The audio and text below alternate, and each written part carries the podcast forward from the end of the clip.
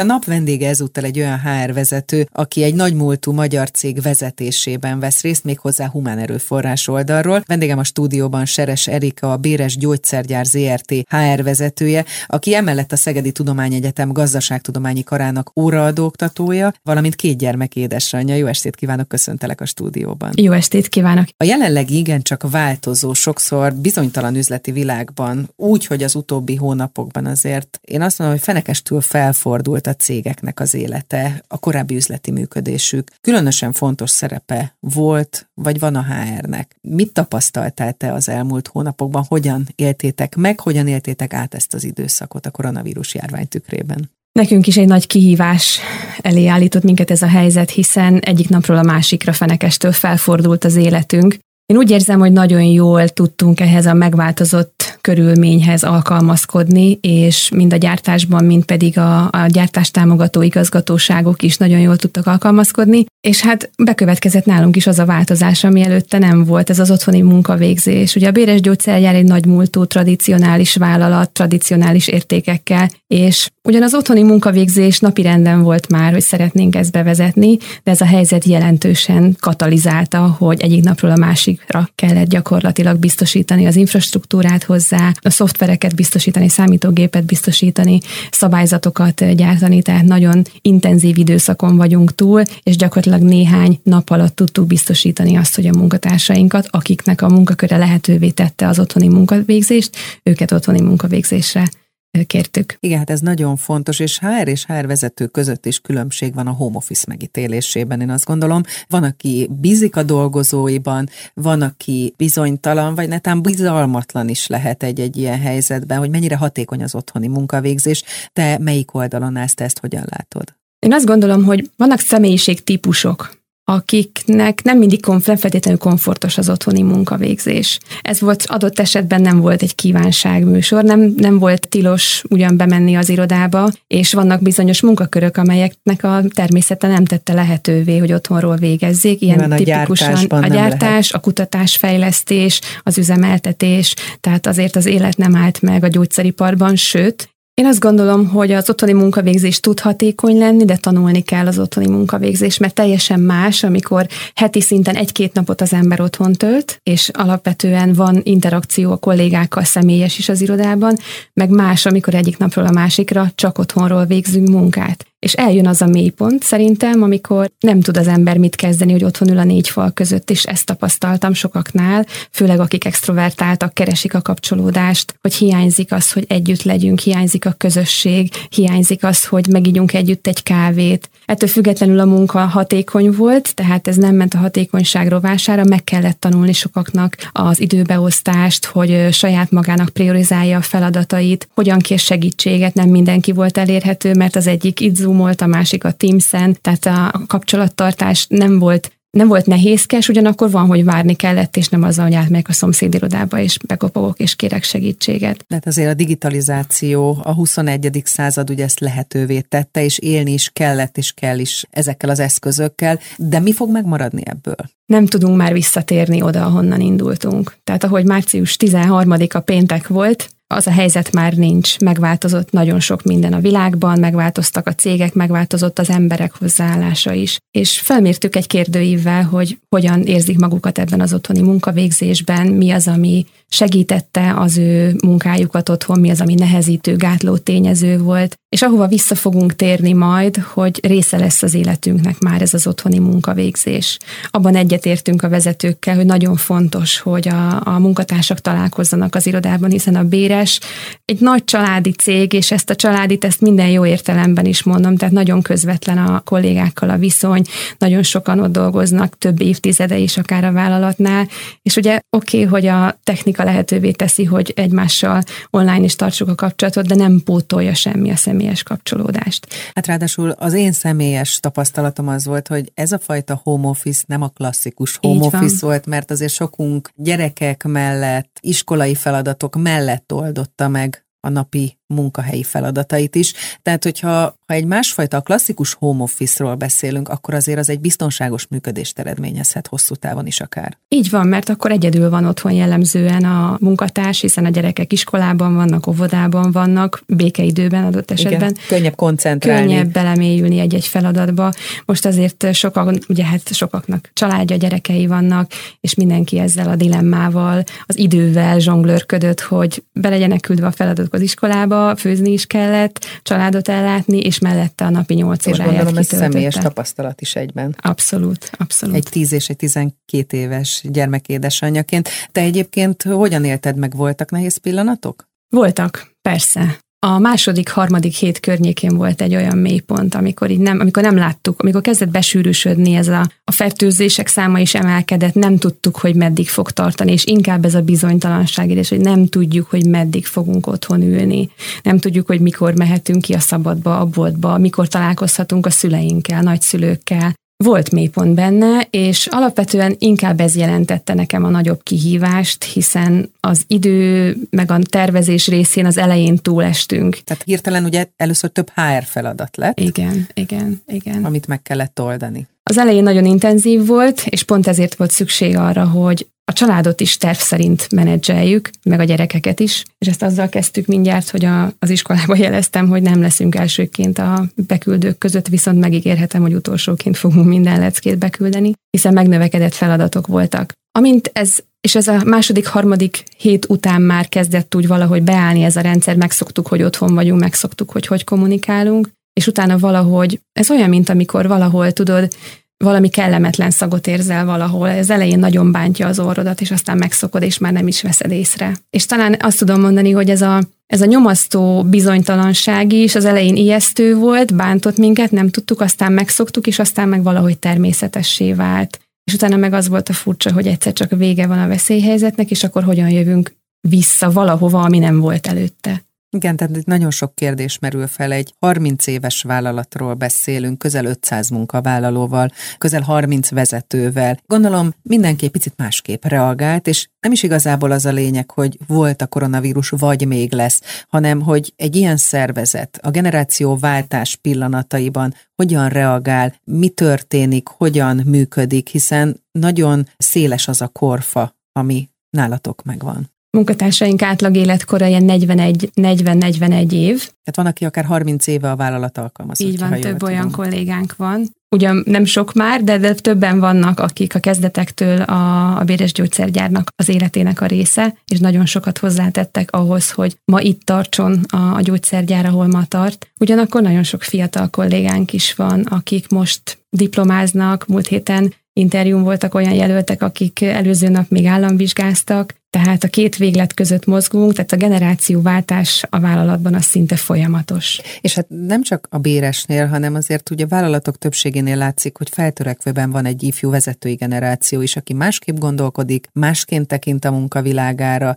nem a kiszámíthatóság oldaláról közelíti meg feltétlenül, vagy a tervezés oldaláról közelít, hanem azonnali döntéseket hoz. Ezt te mennyire tapasztalod? HR vezetőként. Nagyon másképp kell bánni ezzel a feltörekvő generációval. Egyrészt szeretnének maguk előtt látni egy világos karrier utat, ha úgy tetszik. Még akkor is, hogyha ez csak néhány éves ciklust ölel fel, hiszen már nincs az, ami korábban a szüleinknél, nagyszüleinknél, hogy valaki ugyanannál a vállalatnál tölti el a, a munkaideje nagy részét, évtizedeket. Kell tudni valami perspektívát mutatni. Mi ebben, tehát a Béres egy lapos szervezet, nincs mögöttünk nemzetközi menedzsment, teljesen magunk alakítjuk a folyamatainkat, ez nagyon nagy szabadságot ad nekünk azt, hogy nincs, nincs ez a nemzetközi menedzsment mögöttünk, és tudjuk magunk alakítani a folyamatainkat. Ugyanakkor ez a kihívás is benne, hogy olyan karrier lehetőségeket tudjunk a fiatal generációnak mutatni, amit mondjuk egy multinacionális cég kapásból zsebből tud mutatni nekik. Igen, pont ezen gondolkodtam, hogy mik lehetnek a hazai pálya előnyei, mi az, ami versenyelőnyt jelenthet, mi az, amire lehet építkezni, amire támaszkodni lehet.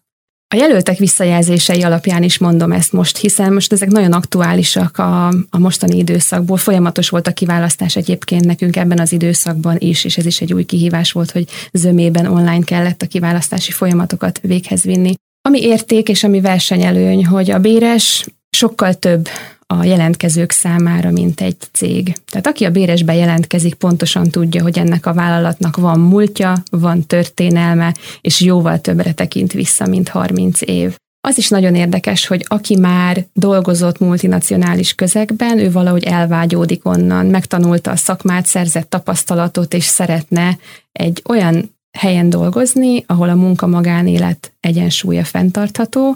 A béresben központi érték, a család, a munka-magánélet egyensúly, és vágynak olyan helyre a munkavállalók, ahol ezt megélhetik. Ilyen családbarát a Családbarát, így van, így van. Egy éves HR igazgatói rálátással most már a szervezetre, egy éve kerültél a béres HR vezetői pozíciójába. Mennyire egy kitaposott utat és egy értékrendszert követtél, vagy mennyire volt lehetőséged változtatni, alakítani a szervezeten? Vannak-e ilyen jellegű elképzeléseid? Nagyon jókor érkeztem szerintem a szervezetbe, mert pont abban a fázisban volt tavaly a gyógyszergyár, amikor egy nagyszerű elődöm nyugdíjba ment, tehát volt egy út, amin ő elindult, és hagyott maga után egyfajta örökséget, amit én örömmel viszek tovább.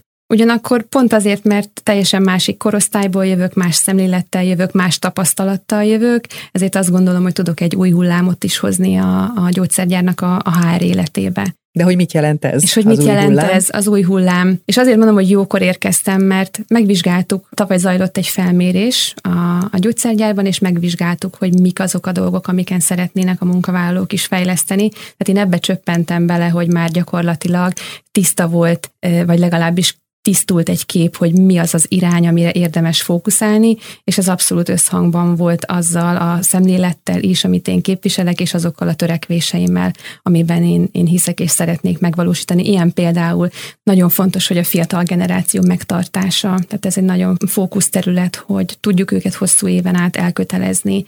Tehát életpályát, életpályát mutatni a lehetőségeinkhez képest. A másik ilyen dolog, amiben én hiszek, az emberek fejlesztése, a vezetők fejlesztése, és ez szerint szerintem minden siker kulcsa ebben rejlik, hogy nem a létszámtól függ egy vállalat sikere, hanem a benne dolgozó szakemberek minőségétől függ, hogy mit tud sikerre juttatni. Azért is kérdeztem, mert ugye azt szokták mondani, hogy egy fecske nem csinál nyarat, de hogyha ez egy HR igazgató, akkor bizonyos változtatásokra nyilván folyamatosan változik a világ, még egy ilyen nagy múltú cégnél is szükség lehet. Így van. De az első év azért Nyilván vezetőként azzal is telik, hogy az ember kiépíti a kapcsolatait cégen belül, felméri a szociális hálót, azért 500 főnél van mit föltérképezni, megkeresni azokat a vakfoltokat, amiket ott esetben egy munkakör átvételje nem biztos, hogy szót tudunk ejteni róla, vagy, vagy azokat a rejtőzködő energiákat, amelyek ott vannak minden szervezetben, de hogy ez hogyan befolyásolja, és hogyan, hogyan lehet azzal bánni, hogyan lehet azzal jól bánni, hogyan tudjuk a, a stratégia részévé tenni ezeket az erőforrásokat. Azon túl, hogy az első évben már tudtunk eredményeket felmutatni fejlesztési területeken, azért mi nagyon sok terven van a jövőre nézve, amit szeretnénk megvalósítani.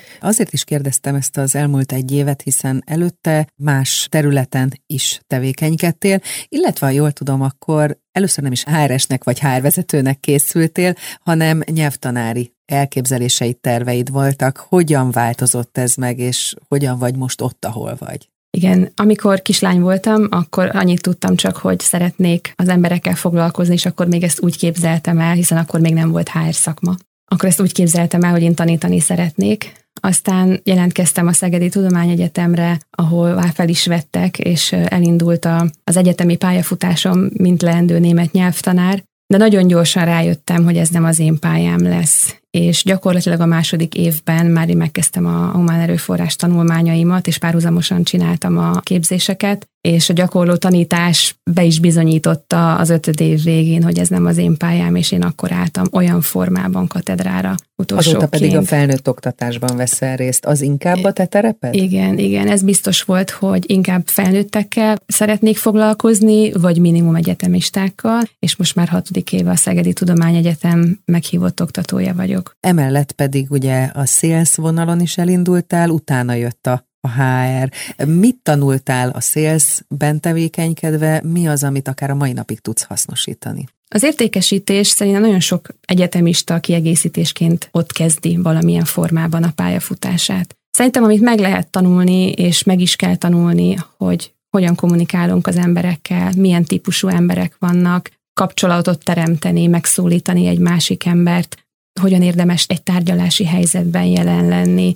Tehát nagyon sok olyan készséget tanultam ebből, amit egyébként nem tanítanak az iskolában, vagy annak idején nem tanítottak az iskolában. És én azt gondolom, hogy kevesebb lennék anélkül, hogyha ez kimaradt volna az életemből. És mennyire készültél vezetőnek? valahol milyen, szerintem érzi az ember magából, hogy valami motoszkál, és hogy valami, valami vágyik, képes valamire. valamire képes. És egyrészt volt benne pici tudatosság is, de még több szorgalom volt benne, azt gondolom, mert nagyon sokat kellett tanulnom vezetői kommunikációban, nagyon sokat kellett tanulnom szakmailag, vezetői készségben, delegálásban, tehát olyan alapvezetői készségekben, amelyekkel nem születünk, viszont válhatunk jó vezetővé, hogyha ezekben fejlődünk. És milyen vezetőnek tartod magad, és hogyha egy kicsit kitekintünk, akkor milyen vezetőnek tartanak a, a beosztottak, a kollégák téged szerinted? Édesanyám mindig azt mondja, hogy szembe nem dicsérünk. Aki szembe dicsér, az, az nem biztos, hogy valós. Ennek ellenére, vagy mindemellett nagyon sok pozitív visszajelzést kapok a kollégáimtól, aminek én nagyon örülök. Ők a közvetlen kollégáim és őket kellene talán megkérdezni arról, hogy milyen vezetőnek tartanak engem, hiszen másként látom én saját magamat, mint amilyennek ők látnak, és valahol lehet, hogy a kettő között van a, az igazság. Amit én szerintem elmondhatok magabiztosan a vezetői minőségemről, én nagyon empatikus vagyok, nagyon szeretem az embereket, szeretek segíteni, szeretek velük foglalkozni, törődöm velük, tehát én egy törődő, humánus vezető vagyok, aki az embert látja, és nem a nem a munkavállalót és nem a számot a bérszámfejtési tételben, tehát én szeretem mögötte látni az embert. Pontosan ezért nagyon jó a kapcsolatom a, a közvetlen kollégáimmal, és nagyon jó érzés, hogy biztosítanak a bizalmukról, a, az együttműködésükről, és egy nagyon jó csapattá kovácsolódtunk, mindannak ellenére, hogy nem én vagyok a legidősebb a, a csoportban. És egyébként HR vezetőként gondolom jó emberismerőnek kell lenni, hiszen ugye döntesz arról, hogy egy adott ember, és egy rövid interjú vagy egy-két rövid találkozó alkalmával kell eldönteni, hogy az a személy, az a személyiség illeszkedni fog-e a vállalati kultúrába, az adott munkavállalói csoportba. Voltak esetleg korábban tévedéseid, amire így emlékszel? Vagy azért többnyire meg tudod ítélni, hogy ki az, aki egy adott kultúrkörbe illeszkedik? Én azt gondolom, hogy mindenki hibázott már, mindenki nyúlt már mellé, aki valaha választott ki embert. Én is hibáztam már. Viszont ezért is tartom fontosnak, hogy amikor valaki beilleszkedik egy új környezetbe, egy új vállalati kultúrába, ezért fontos felmérni, hogy melyik csoport hogyan működik. Ha oda keresünk, akkor milyen típusú embert keresünk, aki jól illeszkedik a csoportba, hogyan fog ő reagálni adott esetben a stressz helyzetre, a csapattal való, hogyan, hogyan a csapat összetétel, a személyiség összetétel. Tehát ez nagyon komplex dolog. És én azt gondolom, hogy jól, jobban arra billen a mérleg, hogy jól tudok kiválasztani. De én, én sem vagyok tévedhetetlen. Szereted ezeket az interjú helyzeteket, amikor igen. személyesen lehet igen, leülni? Igen. Mennyiben volt más most online ugyanezt tenni? Nekem nem volt más, ami hiányzott, az az, hogy nem, nem tudtam úgy a szemébe nézni egy jelöltnek. Ezeket a nagyon finom jeleket nem tudja le, levenni az ember a képernyőn keresztül. Elképzeli az ember magasnak, és széken ül nem látjuk, és közben lehet, hogy alacsony. Tehát ezek a, amikor az ember úgy egy első benyomást kap, az nem biztos, hogy ugyanaz mindig a, az online térben közel van hozzá, de azért a finom dolgok azok, azok akkor terülnek ki szerintem, amikor belenézünk egymás szemébe, vagy kezet fogunk egymással, vagy egyszerűen csak metakommunikáció. És hát előfordulhat az is, hogy valaki mondjuk idegenkedik az online közektől, és nehezebben vesz egy interjú helyzetet, viszont mondjuk egy személyes találkozó alkalmával lehengerlően tudna viselkedni, és fordítva. Fordítva, és pont volt is egy ilyen eset, mert két jelölt közül kellett döntenünk, és az egyik az onlineban meggyőzőbb volt, mint a személyesben, és a másik megfordítva. És érdekes ezt megtapasztalni, hogy élőben mennyire mást hoz elő egy élő találkozás az emberből, és mennyire mást egy online. De itt is a, az empatikusságomat föl szoktam ajánlani az interjúkon, hogy ez egy legyen egy jó beszélgetés. Én nem szeretem azt, hogyha stresszel valaki egy interjún. Tudom, hogy van egy pozitív stressz benne, mert akarja, szeretné, valamilyen okból el akar helyezkedni, adott esetben még pont a béres is az, amit szeretne, mert van, aki konkrétan azzal, hogy így szeretne dolgozni. De hogy nyugodjon meg, és legyen ez egy jó beszélgetés, ismerjük meg egymást, legyen kölcsönös, hogy mit tudunk nyújtani egymásnak, mert akkor jó hosszú távon egy együttműködés, hogyha az mind a két fél megtalálja benne azt, amit keres. Ezek a példák is mutatják, hogy mennyire színes és érdekes a HR, a humán erőforrás szakma. Az elmúlt 20 percben a jelenlegi munkaerőpiaci helyzetről, illetve az arra adott válaszokról beszélgettünk HR-es szemszögből, arról, hogy a koronavírus helyzet nagyon sok mindent megváltoztatott, és ebben a béresnek, mint egy hazai vállalatnak közel 500 fővel és közel 30 vezetővel helyt kellett állni, és egy másfajta működésre átállni. És beszéltünk arról, hogy a HR-nek nagyon sok helyzetben kellett döntést hoznia, toborzás kiválasztás nem állt le, egy olyan szektorban, egy olyan szegmensben dolgoztok, ahol nem, hogy el kellett küldeni, hanem újabb kollégákat kellett felvenni. És hogyha még itt a toborzás kiválasztásnál maradunk, ugye bizonyos készségek, szakmai kompetenciák megtanulhatóak. Mi az, ami fontos, mi az, ami nem megtanulható, mi az, ami előrébb való a másiknál? Ami nálam egyértelműen sokat nyom alatba, az a hozzáállás, valakinek a hozzáállása látom-e azt, hogy tényleg ezt akarja csinálni, hogy csillog-e a szeme, amikor arról beszél, hogy a saját szakterületéről legyen szó akár egy fejlesztő gyógyszerészről, vagy egy pénzügyi munkatársról, vagy egy gazdasági munkatársról, hogyha nem látom benne azt, hogy, hogy ő ebben tényleg él ebben a munkakörben, akkor nem fogja, kevésbé tudja magát megvalósítani. Én azt szeretem látni a jelöltekben, amikor látom, hogy lelkesíti az a feladat, amire jelentkezik, és ez szerintem az egyik legfontosabb dolog. A szakmai dolgok szintén nagyon fontosak, hiszen van vannak pozíciók adott esetben egy kontrollernél, ahol nem, nem tudjuk megkerülni, hiába jó valakinek a hozzáállása, de ha nem tud egy Excel táblát összerakni, akkor sajnos ez nem fog működni. Tehát fontos a szakmai tudás is mindemellett, a hozzáállás nagyon fontos, és lehet fejlődni, lehet tanulni, hiszen mindenkinek van tanulni valója és fejlődni valója. Úgyhogy a kiválasztásban ezek nagyon fontos szempontok, az értékrend nagyon fontos, hogy mennyire tudja a vállalat értékrendjét is képviselni,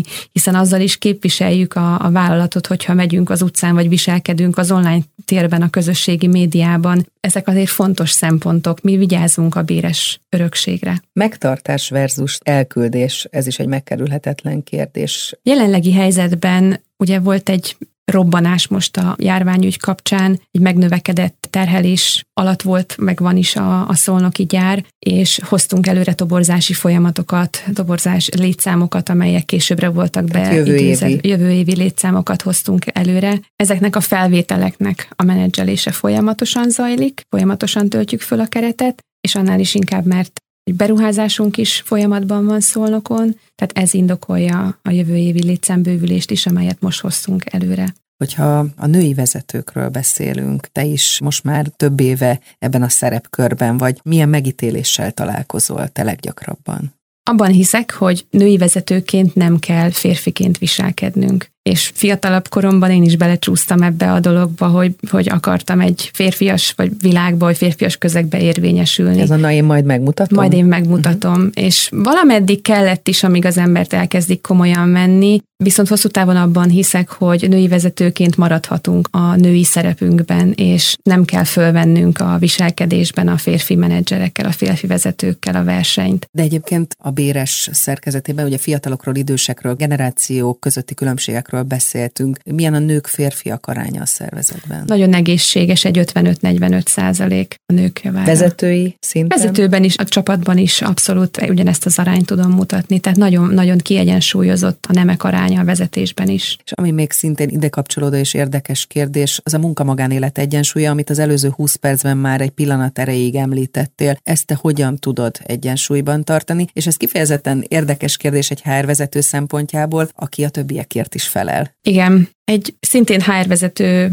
kedves barátom, kollégám mondta nekem azt, hogy minden, minden HR vezető, minden HR-es a saját maga szinten tartásáért, jól létéért felel. Tehát egy HR vezetőt nem fognak elküldeni soha, hogy töltődj és pihenj, tehát kell felelősséget vállalnunk azért, hogy az egyensúly meglegyen, tudjunk időt szánni a családra, tudjunk időt szánni a barátokra, a töltődésre, hiszen egy kimaxolt, lemerült akkumulátorral nem tudunk működtetni, a legjobb jármű sem indul el egy lemerült akkumulátorral. És én rendszeresen szakítok erre időt, tehát nagyon tudatos vagyok ebben a dologban, hogy tudom azt, hogy mikor van itt az ideje az én időnek. Igen, ez ugye egy divatos fogalom, de azért igencsak fontos, és egyre fontosabb talán. És én azt tanultam ennek kapcsán, és ezt alkalmazom is a gyakorlatban, hogy úgy kezelem magam, mint hogyha egy üzleti partner lennék. Tehát én beírom saját magamat a naptáramba, mert hajlamosak vagyunk magunkat mindig egyébként utolsó helyre rakni. Először a gyerekek, család, férj, feleség, főzés, megfelelés valamiféle családi, társadalmi nyomásnak, a munkahelyi dolgokról nem is beszélve, de hol van, a, hol van az ember, aki sok ember, sok másik emberrel törődik. És azt tanították nekem, hogy írjam be magam a naptárba, kezeljem úgy magam, mint a legfontosabb üzleti partneremet, és őt lemondanám-e? Ez itt a kulcskérdés. Lehet ez Érek akár annyit? mondjuk egy, egy szabadidős tevékenység, igen. futás mondjuk? Lehet egy futás, igen. Lemondom-e, lemondanám-e a partnert? Ha nem mondanám le a partnert, akkor én érek-e annyit saját magamnak, mint a legfontosabb üzleti partnerem? HR vezetőként mennyire tudod segíteni a kollégákat abban, hogy ők maguk is megteremtsék a saját egyensúlyukat? Nem várok tőlük olyan dolgot, hogy munkaidőn túl, illetve végén dolgozzanak arra sem, hogy egy e-mailre válaszoljanak én sem terhelem őket azzal, hogy küldök nekik hétvégén egy e-mailt, hanem megírom, elmentem a piszkozatba, és majd hétfő reggel elküldöm nekik, hiszen tudom azt, hogy lelkiismeretesek, és tudom, hogy nézik, bár ezt is mindig kérem, hogy ne nézzék hétvégén az e-mailjeiket, hiszen nem fog történni semmi olyan dolog hétvégén, ha mégis, akkor föl fogom őket hívni. Ugyanez igaz gondolom akkor a nyári időszakra is, amikor az ember elmegy egy hét szabadságra, hogy ki tud-e kapcsolni, Így fel tud-e töltődni. Így van, és a béresnél különösen az jó, hogy mindenki egyszerre megy szabadságra, mind az 500 fő szinte, hiszen az üzemi karbantartás indokolja azt, hogy leálljon időről időre a gyár, a gépeket, a gépsorokat karbantartsuk, és ez egy kéthetes időszak, úgyhogy a, a Béres Gyógyszergyár az nyaranta két hétre egyszerre megy szabadságra, és ez egy nagyon jól tervezhető, senkit nem nyomaszt azt, hogy szabadságon van és lemarad valamiről, hiszen mindenki egyszerre van, senki nem fog e-maileket, telefonokat, tehát mindenki tud a pihenésre koncentrálni. Ha már felmerült a munka magánélet egyensúlya, és az, hogy fontos az én idő, és fontos a kikapcsolódás mellett a feltöltődés. Akkor ne menjünk el amellett, hogy a Szegedi Toastmasters Club alapítója, megformálója, vagy mi ez pontosan öt év távlatában hová jutottál el ezen a területen? Amiért én kerestem ezt a lehetőséget, hogy valahol a beszédkészség, a vezetői kommunikáció fejlődjön, az két indítatásból jött. Az egyik, hogy HR tanácsadóként, coachként nagyon sok vezetővel kommunikáltam, és sokaknak ez kihívást jelentett, hogy hogyan lehet hatékonyan kommunikálni, magabiztosan kommunikálni, nem csak nyilvánosan, hanem akár egy vállalati közegben is. És kerestem azt a fórumot, ahol ez megvalósítható, én is fejlődhetek, mint egyetemi oktató, mint szakember, mint személy, tehát szerettem volna én is ebben fejlődni, és fejlődni szeretnék a mai napig is. És ekkor találtam rá egy szintén kedves ismerősöm által arra, hogy van Budapesten ez a közösség, már jó ideje, egyébként Magyarországon közel 20 éve van Toastmasters, de Szegeden még nincs klub, és segített a, a kezdetekkor, és így alakult meg a, a Szegedi klub egy nagyon szűk, kemény maggal, ez most már több mint öt éve, és nagyon sok taktársunknak segítettünk abban, hogy magabiztosabb beszélővé váljanak, és a Toastmastersben nem csak a kommunikációra fej, tetünk hangsúlyt, hanem van egy vezetői vonal is. Ez egy világszervezet, amit működtetni kell, ez önkéntes alapon megy ez a, a működtetés, tehát ezért nem jár semmilyen juttatás, és itt a különböző vezetői szerepek betöltésével is lehet nagyon sokat fejlődni. Mind a két területen párhuzamosan haladtam, és amit a beszéd küldetések teljesítésével el lehet érni szintet, ezt úgy mondják, hogy Distinguished Toastmasters, tehát egy olyan szint, ami már mutatja, hogy az ember gyakorlott, beszélő, tud figyelni, tud magabiztosan kommunikálni. Ezt tavalyi évben értem el, tehát négy év után, és a vezetői szerepekben is folyamatosan vállaltam a klub alapítástól, a klub operatív működtetésén át, területi vezetőként, és most július 1-től pedig Magyarország és Horvátország divíziónak a vezetését fogom vinni hat nagyszerű területi vezetővel. Miért pont Szeged, és mit ad neked ez a feladat, ez a lehetőség? Amit nekem ad, egy nemzetközi hátteret. Én nem szerettem volna multiban dolgozni, én a Béres Gyógyszergyárhoz is úgy jöttem, hogy, hogy én is itt szeretnék dolgozni, tehát én konkrét elképzeléssel jöttem, illetve pályáztam, és mégis azért az a tapasztalás, hogy hogyan dolgozik együtt egy nemzetközi csapat, azt itt meg tudom valósítani a Toastmasters-ben. Ebben a disztriktben hét országnak a tagjai dolgoznak együtt, Csehországtól Ukrajna, Moldova, Horvátország, tehát nagyon széles a kör, és, és nagyon sokat tudunk ezáltal fejlődni, hogy hogyan lehet országokon átívelő szervezeteket működtetni, hogyan tudjuk a vezetőket támogatni, akik működtetik helyi szinten ezeket a klubokat. És hát miért pont Szeged? Én alapvetően Szegeden ragadtam, amikor a, az egyetemre kerültem, és most miután Budapesten dolgozom, most már ilyen félig még kicsit Szegedi, de inkább budapesti székhelyen működök már. Ami még fontos lehet, hogy milyen újításokra figyelsz a szakmádban, a HR-ben, mi az, ami foglalkoztat. Most ugye dolgoztál korábban trénerként, coachként, aztán jött a vállalati oldal.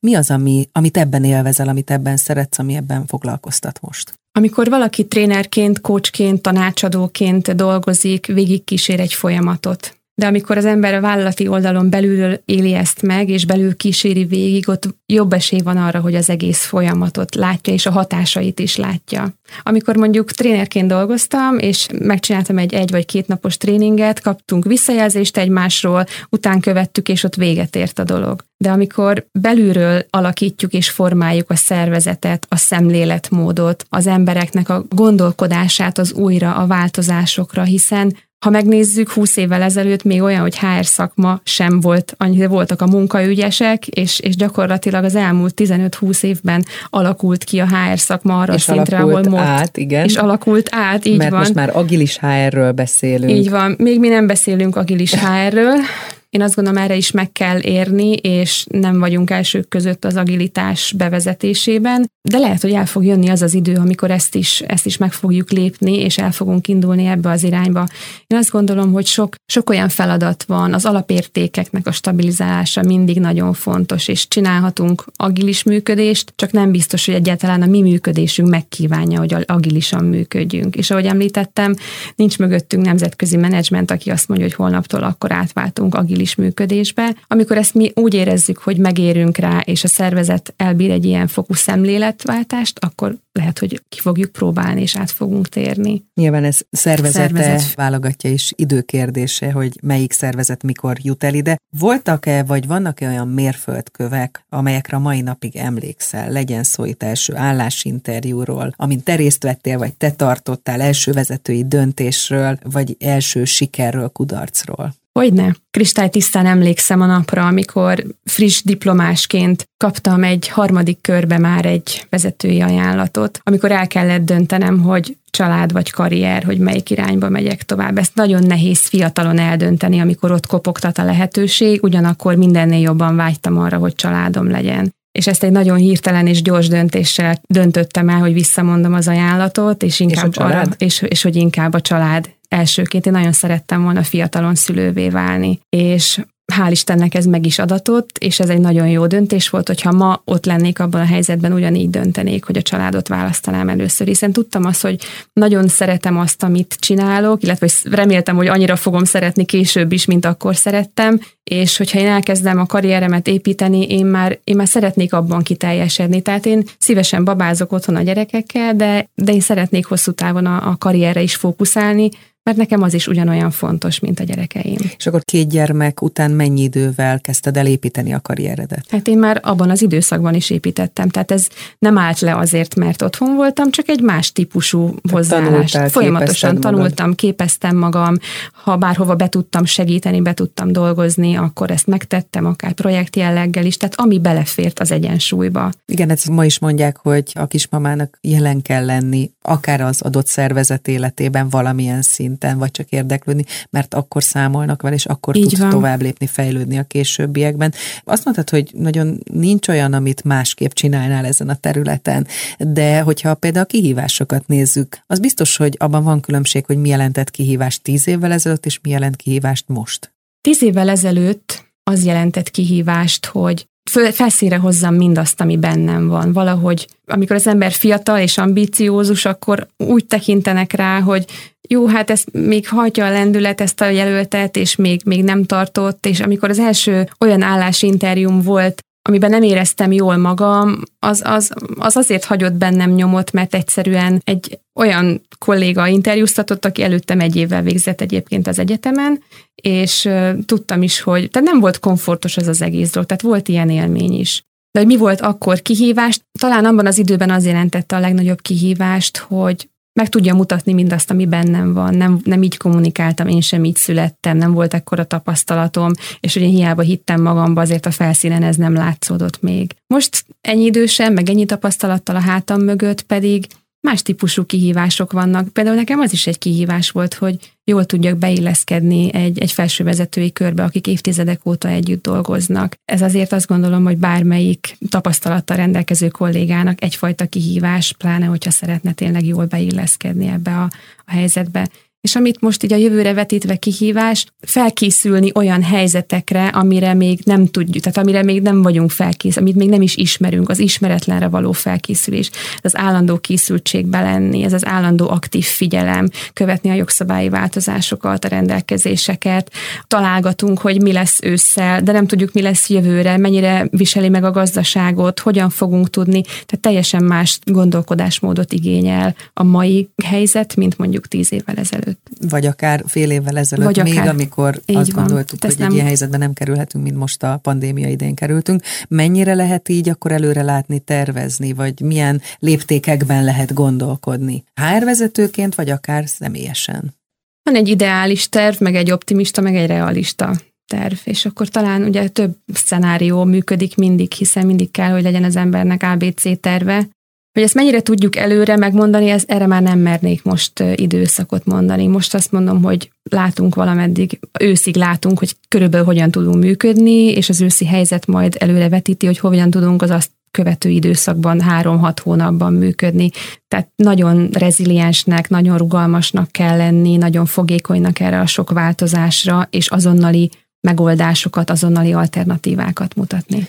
Azt halljuk azért, hogy a, illetve látjuk, hogy a HR-ből lassan idézőjelbe mindenki szervezhető, hogy, hogy nagyon változik a HR, amiről beszéltünk korábban is. Milyen lesz a HR szakma mondjuk tíz év múlva, öt-tíz év múlva? Én abban hiszek, hogy addig, amíg emberek dolgoznak, addig szükség lesz a HR szakmára.